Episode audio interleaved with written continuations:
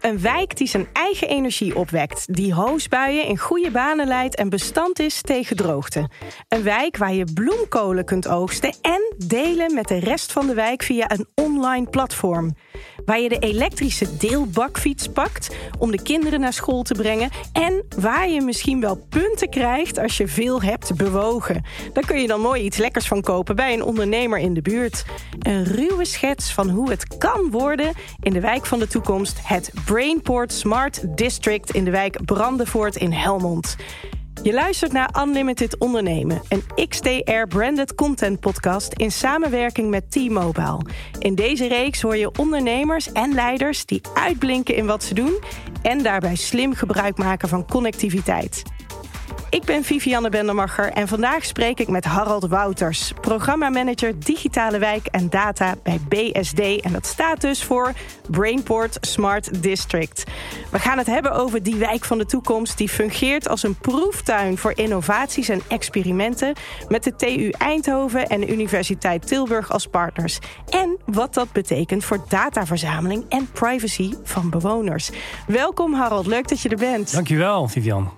Ja, jeetje, die wijk is nog volop in ontwikkeling. Hè? Maar over hoeveel woningen hebben we het nou precies? Hoeveel staan er nu? Er staan er nu ongeveer 55 en het worden er uh, bijna 2100. En dat is deels dus tijdelijke woningen, deels permanente woningen. En hoe, over hoeveel mensen heb je het dan? Wie gaan daar wonen? Ja, als ik dat even met een simpel uh, vermenigvuldiging doe van uh, het CBS. Op het huishoudensgrootte is 2,13 tegenwoordig. Dan kom ik op 4.500 mensen ongeveer uit. Dat is best wel flink, hè? Ja, Dat vergt natuurlijk heel veel uh, van systemen. Dus er zullen vast ook heel veel systemen bijgemoeid zijn, klopt dat? Ja, we zijn daar bezig met de aanleg van een aantal uh, slimme systemen. Dus de digitale infrastructuur, maar ook het watersysteem. Hè, dat gaan we op een slimme manier doen. Het uh, energievoorzieningssysteem, dus de, het smart grid, dynamische energietoevoer.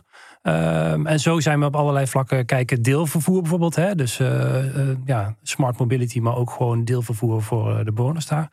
Al, al die vlakken zijn we het kijken of we daar de voorbereiding kunnen treffen. Zodat het vanaf het begin, want het is best wel een pionierswijk, dat mensen al meteen goed geëquipeerd zijn om ja, daar, uh, daar fijn op een prettige manier te wonen. Ja, al die aansluiting op die systemen, dat moet natuurlijk by design gebeuren in plaats van achteraf, om het ja. zo slim mogelijk te maken. Ja. Ik wil dadelijk alles horen over al die voorbeelden. Daar gaan we zo dieper op in. Eerst even nog hoog over.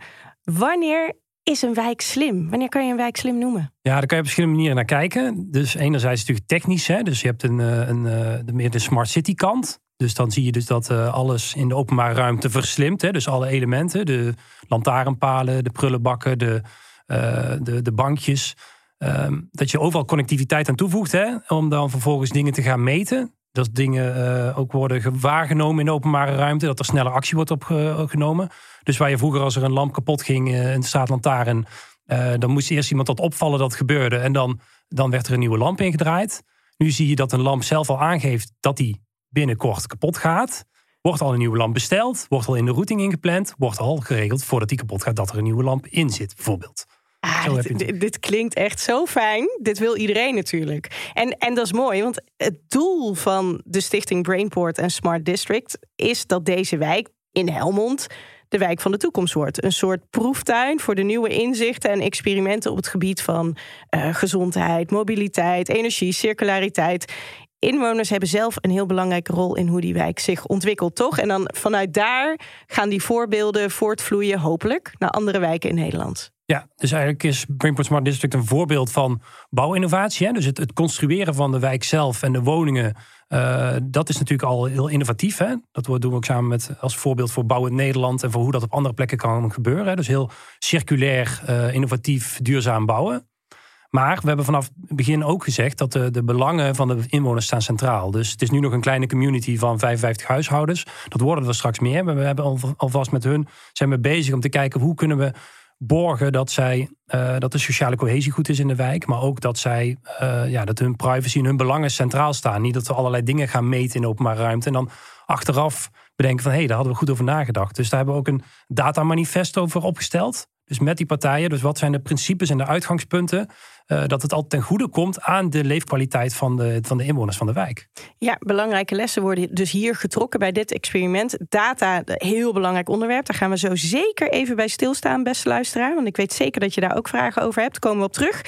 Um, waarom is het zo belangrijk dat een wijk überhaupt slim is? Het lijkt een open deur, deze vraag, maar volgens mij zit er meer achter. Ja, nou goed, slim zijn is natuurlijk geen doel op zich. Net zoals digitalisering geen doel op zich is. Maar je hebt allerlei middelen en mogelijkheden die ervoor zorgen dat je daarmee je wijk efficiënter, effectiever, eenvoudiger, prettiger kan maken. En daar, dat is, is het doel.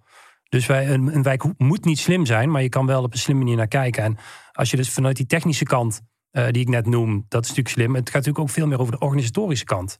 Dus als je een, uh, weet je, een auto staat 23 uur per dag stil. Ja, dan kan je ook andere mensen ook gebruik van maken. Uh, je, je, je, als je het toilet doorspoelt, doe je met drinkwater.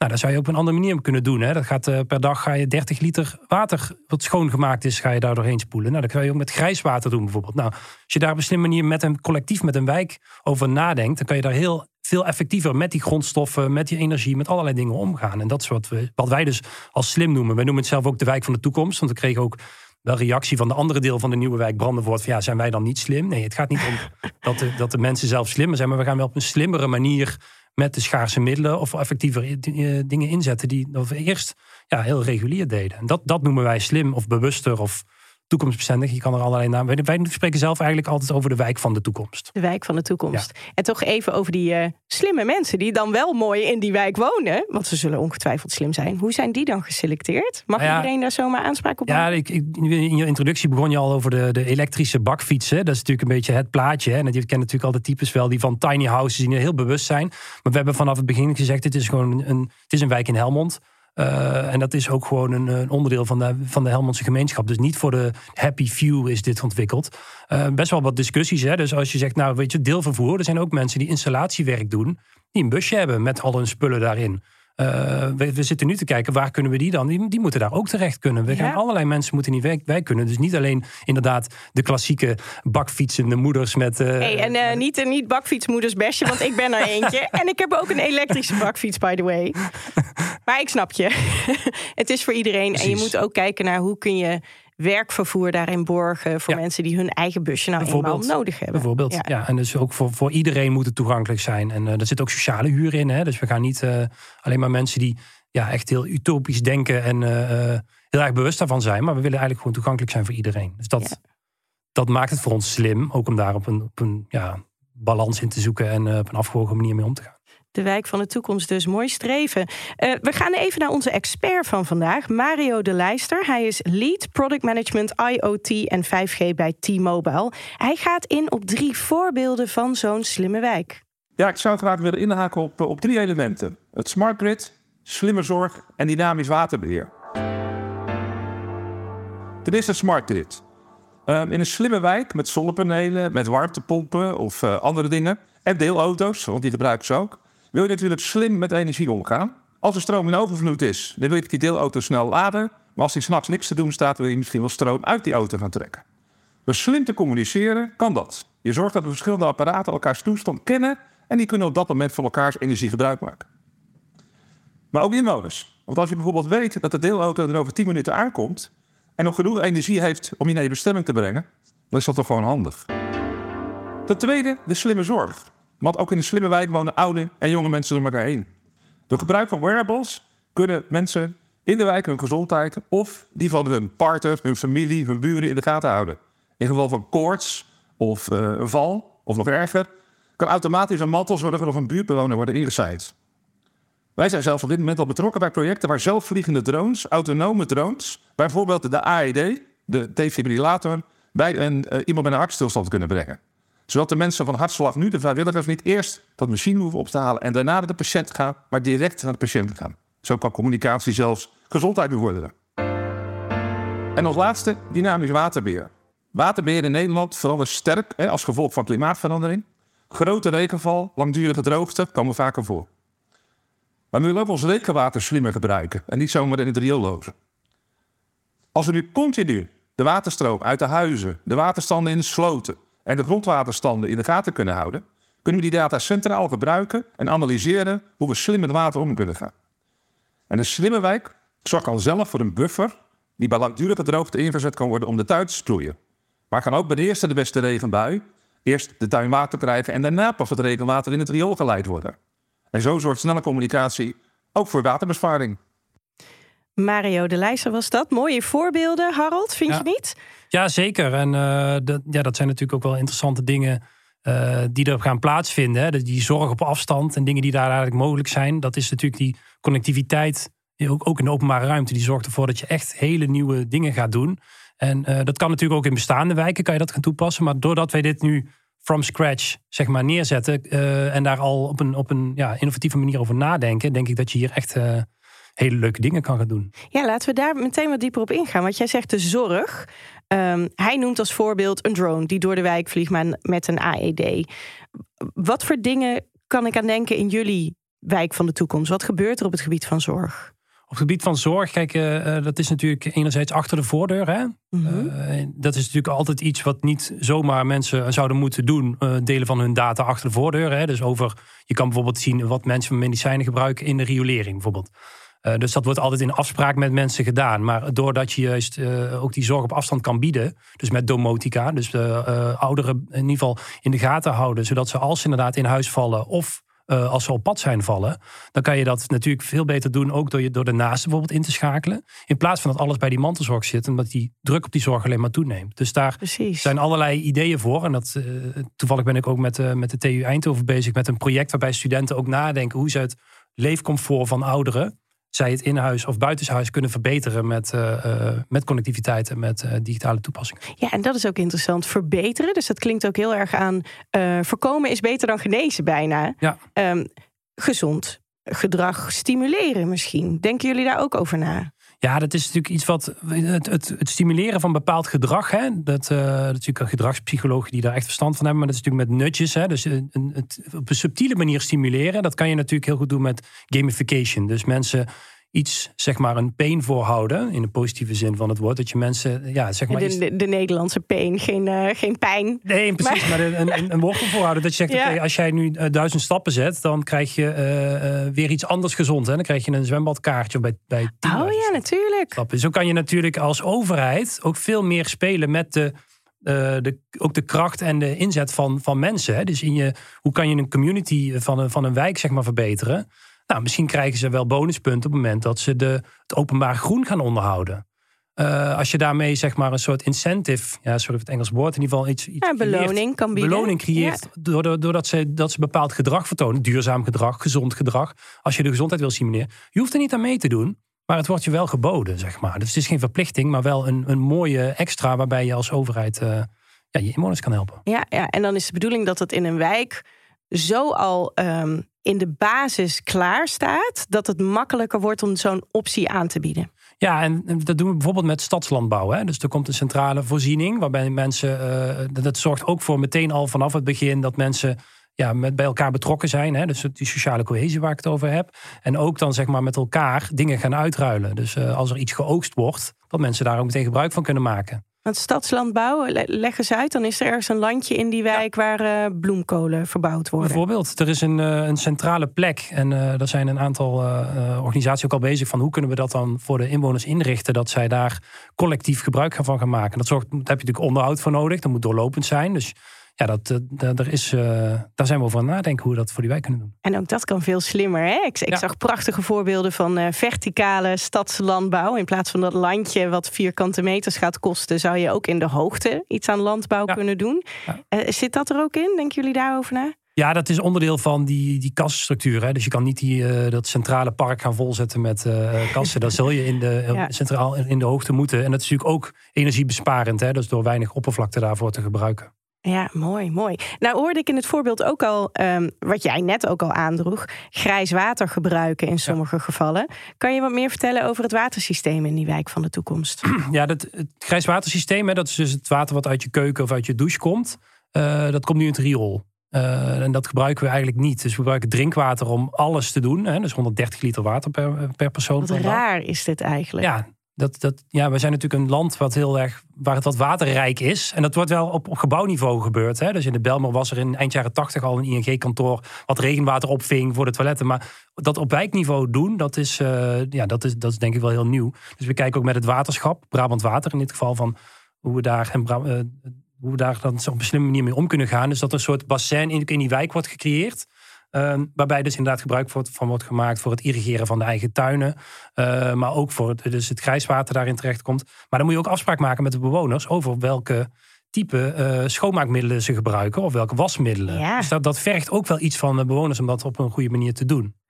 Ja, en alles bij zo'n slimme wijk, zo'n wijk van de toekomst, draait natuurlijk om efficiëntie. Nou, e-, een van de dingen die mij altijd wel fascineert is netwerkinfrastructuur. Dat moet natuurlijk ook aangelegd worden daar is volgens mij ook nog wel behoorlijk wat efficiëntie te behalen, toch? Puur bij de aanleg van de infrastructuur van een netwerk in een wijk. En aangezien jullie alles by default meteen goed willen doen, hoe pak je dat aan en hoe is het nu? Wat je ziet is dat dat nu uh, verschillende telecomproviders aanleggen in Nederland. Hè, een regie willen houden op een eigen netwerk. Wij zijn bij, uh, bij de wijk van de toekomst aan het kijken om dat op een white label open manier te doen.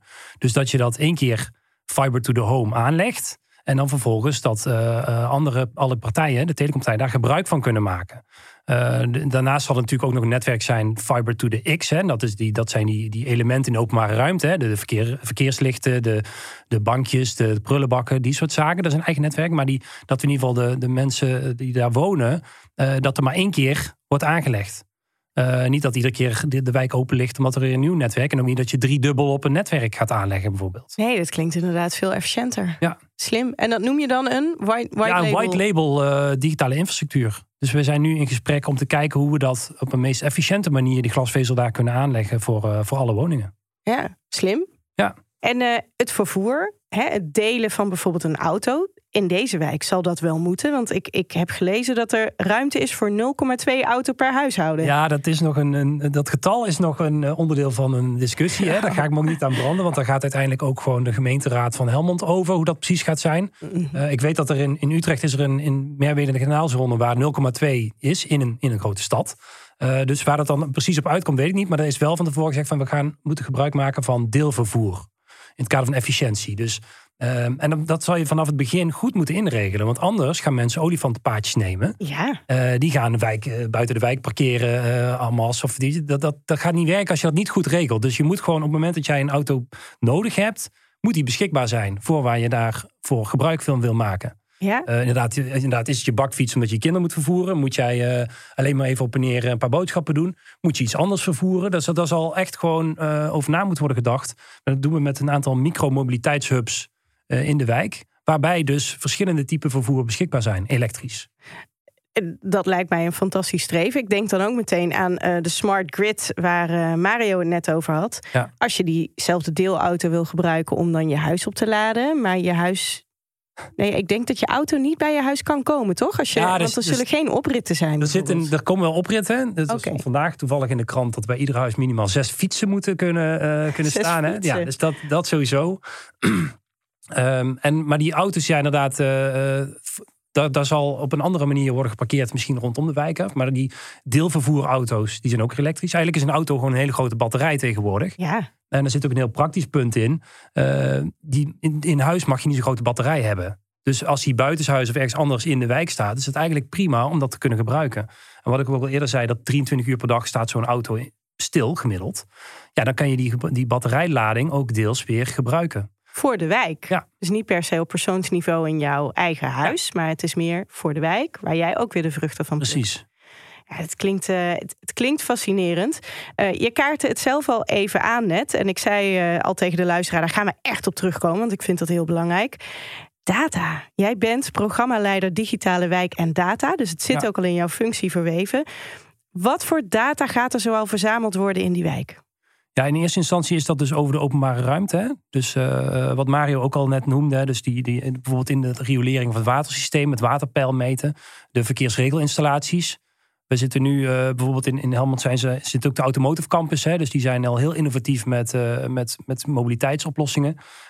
Daar zijn ze ook al jaren en dag bezig om bijvoorbeeld vrachtwagens die de stad uitgaan langer groen te geven. Dus, als dus dat zijn voorbeelden dat niet iemand met een dieseltruck bij het stoplicht langs stilstaat.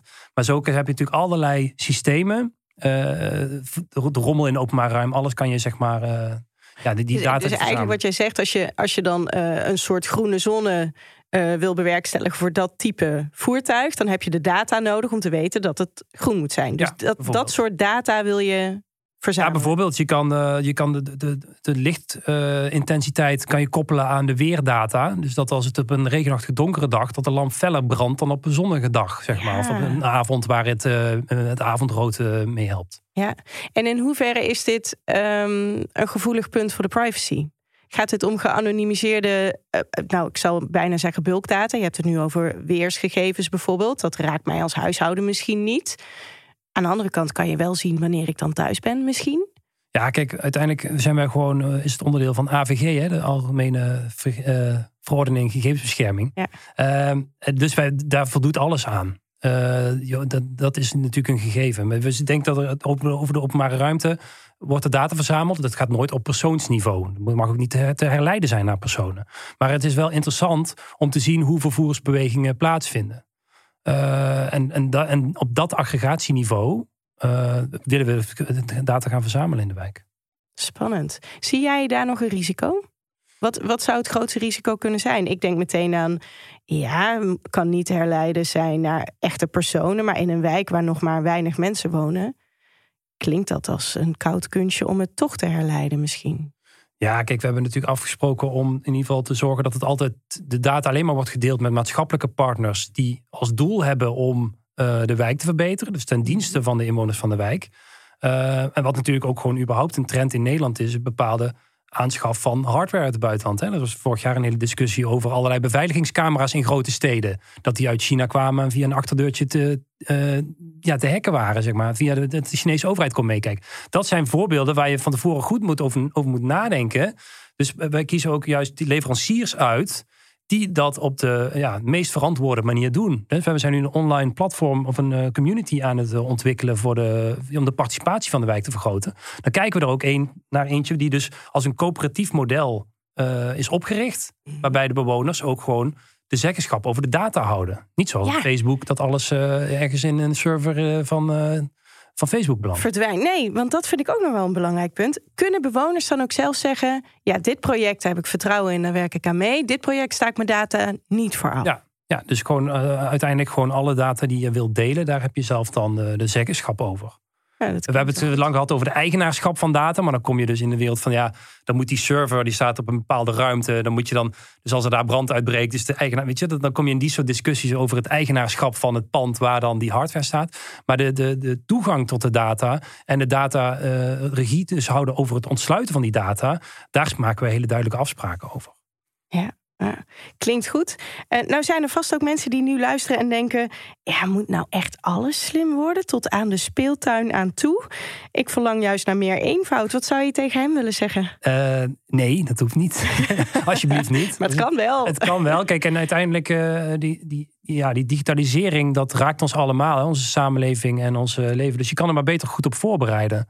eraan ontkomen, ja, een hutje op de hei heb je tegenwoordig nog prima bereik, zeg maar. Dus uh, dat, dat, gaat, dat gaat niet worden, zeg maar. Dus je kan wel op een slimme manier daar goed afspraken over maken en over nadenken wat het gaat doen. Maar er zullen nog steeds genoeg alledaagse dingen zijn hoop ik ver in de toekomst, als ik een kop koffie drink, dan ik gewoon een kop koffie drink. Uh, hoe die dan naar me toe wordt gebracht, weet niet. Maar niet om punten te zijn. Dus ik, daar, ben ik, daar ben ik zelf niet zo bang voor. Maar uh, de mogelijkheden zijn er, zeg maar. Dus uiteindelijk is, dan moet je gewoon altijd realiseren, digitalisering of digitale oplossingen zijn altijd een middel om iets te verbeteren. Dus het voorbeeld dat net genoemd met die defibrillator. Ja, dat is natuurlijk heel mooi. Dat daar red je gewoon levens mee. En Precies. wat ik noemde, dat die ouderen die in huis uh, een val hebben, dan gaan 2200 ouderen in Nederland ieder jaar dood in huis omdat ze vallen.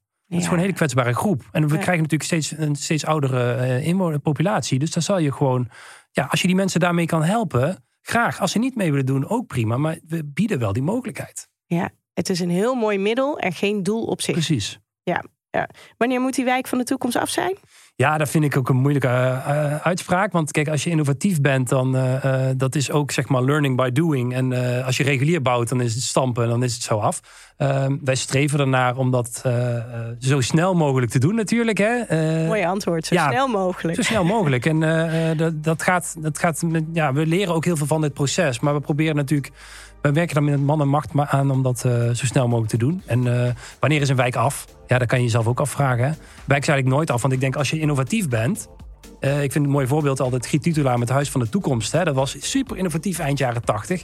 Ja, vijf jaar later was dat hopeloos verouderd. Dus je zal als wijk vooral adaptief moeten zijn dat je altijd weer kan voorbereiden op nieuwe innovaties die komen. Dus ja, wanneer is het af? Ik denk dat, dat je vooral moet kunnen aanpassen op omgevingen.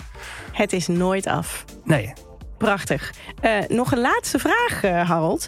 Ik weet dat jij in Eindhoven woont. Staat er al een verhuizing op de planning? Ik ga dit jaar, ik ga wel verhuizen, ja, inderdaad. Maar, ik heb, maar niet naar Helmond? Nee, ik heb wel gekeken naar uh, Brandenvoort, hè, ook qua ruimte en waar het ligt. En prima plek om te wonen.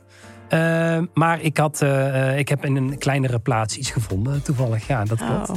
En is dat een slim, uh, slim huis in een slimme wijk? Ik moet eerlijk zeggen, de vorige bewoner was iemand die ook helemaal fan van domotica was. Oh, heerlijk. Toevallig, dus die heeft dat helemaal verslimd hè, met een maairobot en in huis. Ja. Dus ik vind dat wel, ik heb dat nu niet. die soort ja, slimme foefjes die mijn huis, zeg maar. dus dat, daar kijk ik wel naar uit. dat was ook geen doel op zich, maar het is wel, ik vind het dadelijk denk ik wel fijn dat dat, dat, dat kan. Mooi. We blijven het uh, volgen met veel interesse. Dankjewel, Harold. Graag gedaan. Harold Wouters, programmamanager Digitale Wijk en Data bij Brainport Smart District. Dankjewel. Dit was Unlimited Ondernemen, een XTR-branded content podcast in samenwerking met T-Mobile Ondernemen. Kijk op nrc.nl slash brandedcontent slash T-Mobile voor meer verhalen over ondernemers en leiders die uitblinken in wat ze doen en daarbij slim gebruik maken van connectiviteit. Bedankt dat je luisterde.